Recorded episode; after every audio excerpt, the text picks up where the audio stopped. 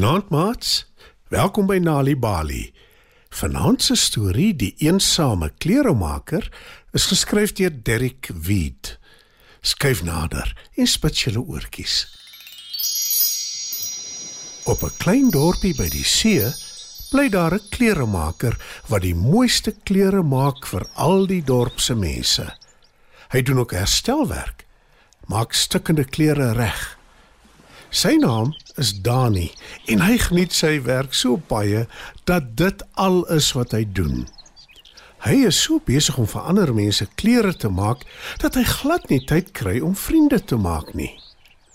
Hy het ook nie tyd om sy baard te versorg nie en dit word al langer en al hoe meer ruig.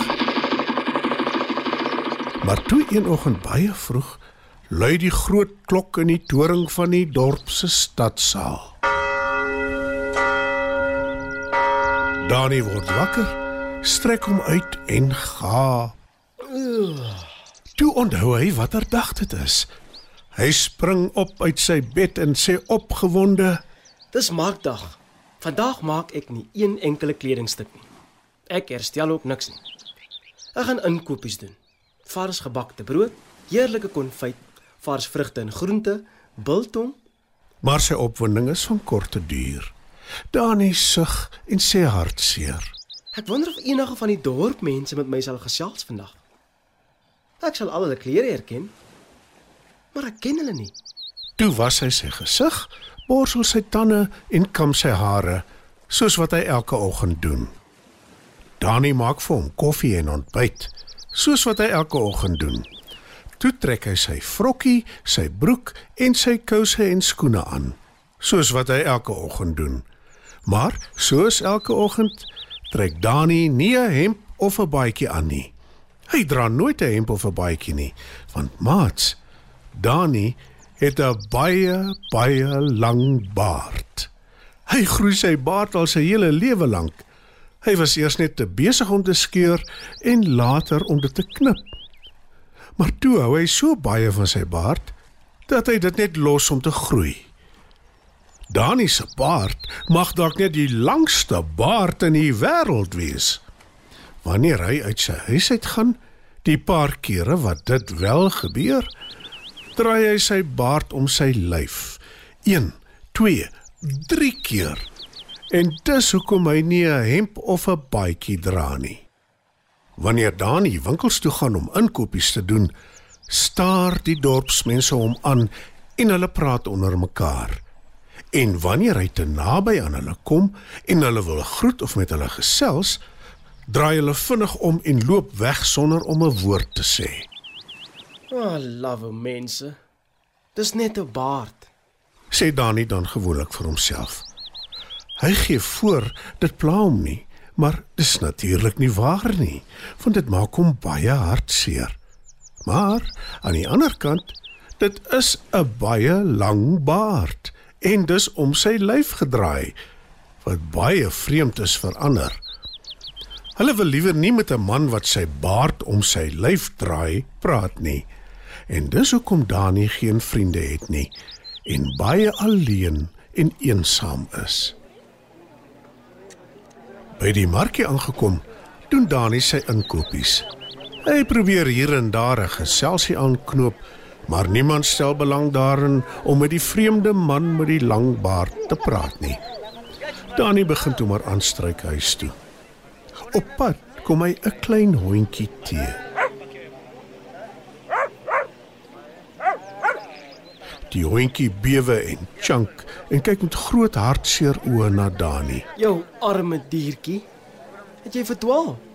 Kry jy koud? Is jy honger? Sê Dani vir die klein hondjie. Hy wonder wat om te doen. Hy kan tog nie net die hondjie so los nie. Maar die diertjie behoort sekerlik aan een van die dorpsmense en hy wil nie moeilikheid maak nie. Hy dink nog so 'n rukkie en toe breek hy 'n stuk van sy brood af en gee dit vir haar. Die klein honger hondjie eet die brood sommer vinnig op. Sy waai haar stert van blydskap, maar sy bewe nog steeds van die koue. En toe kry Dani 'n blink gedagte. Hy haal sy knipmes uit sy sak en sny 'n stuk van sy baard af. As my baard my warm hou, kan dit mos vir jou ook werk, né? Nee? Ek gaan dit om jou lyf draai sodat jy nie meer so koud kry nie.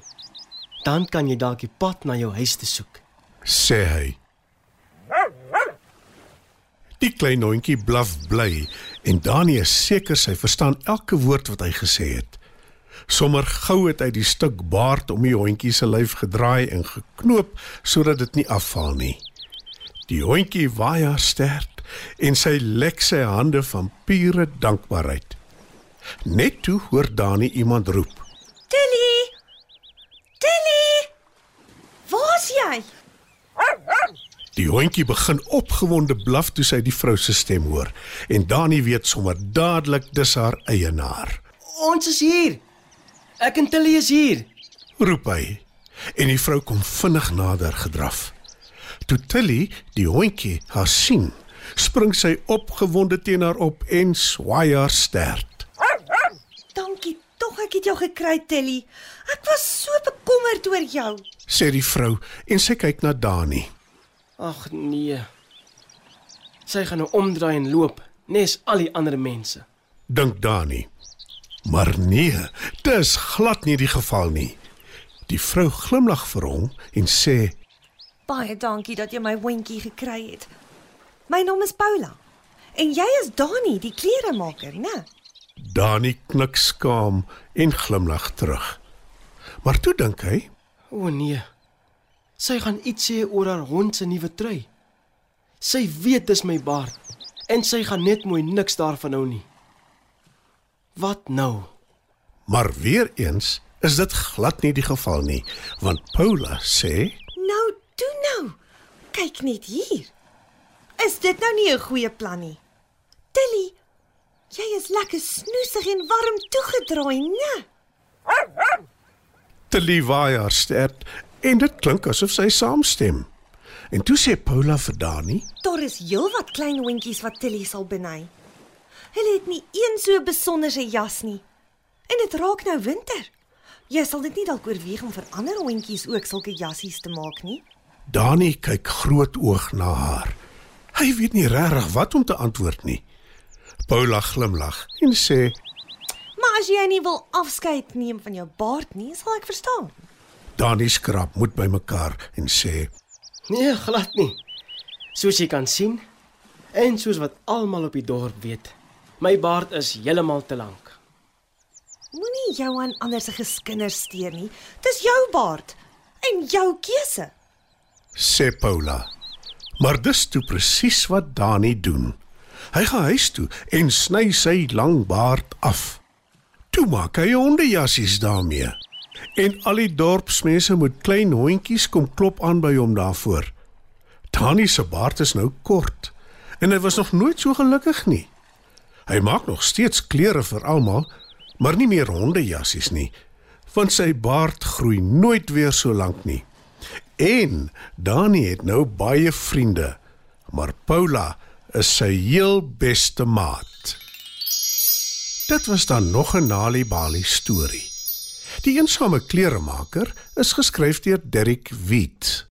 Die storie is aangebied deur die Nali Bali leesvergenotveldtog in samewerking met SABC Education. Mamma, ek is moeg van my boeke.